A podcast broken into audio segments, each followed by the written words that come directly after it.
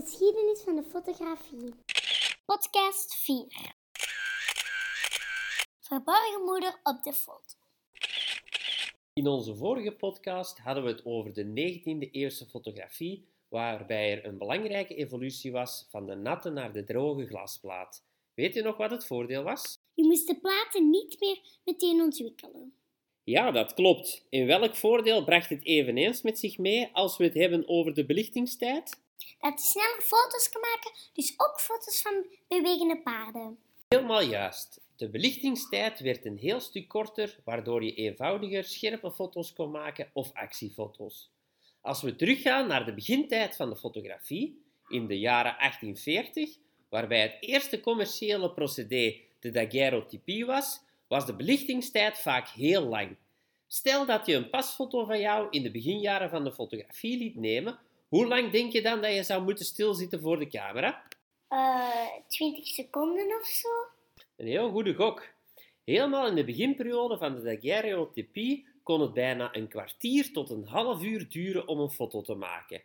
Na de begindagen, toen het proces al wat verbeterd was, ongeveer een halve à anderhalve minuut. Amai, zo lang. Konden die mensen wel zo lang blijven zitten voor de camera?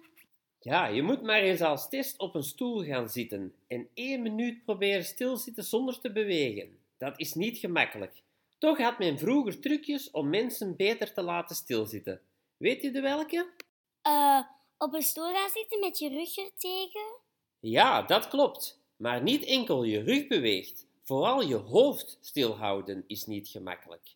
En daarom hadden ze in de beginperiode van de fotografie een soort statief of een speciale stoel waaraan een soort stok hing met een beugel, aan waar je je hoofd bijna letterlijk kon vastzetten. Oh, zoals bij de tandarts, waar je ook zo je hoofd kan leggen zodat je hoofd stil blijft liggen. Ja, daar kan je het heel goed mee vergelijken. Doordat de hoofdsteun netjes achter je hoofd zat, zag je hem zelfs niet op de foto en kon je toch stil genoeg blijven zitten tijdens de lange belichtingstijd.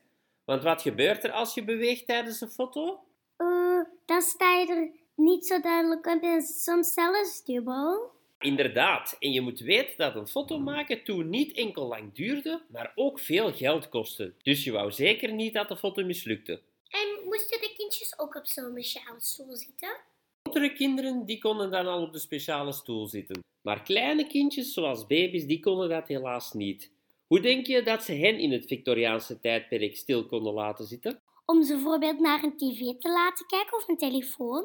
Dat had een goede manier geweest. Alleen was er helaas toen nog geen tv of telefoon. Wel, je kon de foto maken als het kindje sliep. Vooral met baby's was dit de beste manier om toch een goede foto te hebben. Maar met kleine kindjes liet ze meestal de moeder, of soms ook de vader, of een oppas of assistent van de fotograaf het kind vasthouden tijdens de foto. Maar zo stonden de mensen toch mee op de foto en dat mag toch niet? Toch wel, het kindje stond alleen op de foto, want men had een slimme truc om de mama proberen te verbergen op de foto. Hoe zou jij ervoor kunnen zorgen dat je mama jou toch vasthoudt, maar je haar toch niet kan zien op de foto? Door een laken of een sjaal over haar te doen? Ja, heel vaak werd er een soort van mantel over de moeder gelegd. Of was er achter het kind een soort van gordijn waarachter de moeder stond en de armen van het kind stevig vasthield. Of ze kroop gewoon achter de stoel. Of in sommige gevallen werd de mama zelfs omgetoverd tot een soort stoel waarop het kindje dan zat. Daardoor had de foto soms een griezelig effect, waarbij het leek of er een geest mee op de foto stond. Dus op die foto's van vroeger zaten een verstopte mama. Ja, en dat is dan ook de titel van deze podcast, wat ze in de fotografie kennen als Hidden Mother. Nu, we hadden het in de vorige podcast ook al over Photoshop van vroeger, waarbij ze in de donkere kamer al zaken konden manipuleren of veranderen. Ook in die tijd probeerden ze achteraf delen uit de foto weg te halen, zodat je de moeder uit de foto kon snijden.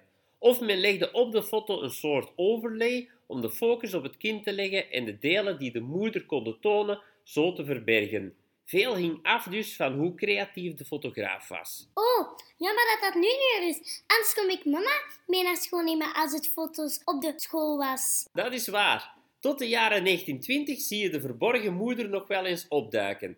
Maar daarna werden de camera's en film veel sneller, waardoor het niet meer nodig was en je dus ook geen verborgen moeder meer op de foto's kan zoeken. Bedankt en bedankt aan alle moeders die verborgen hun kind moesten vasthouden. Bye bye en tot de volgende keer!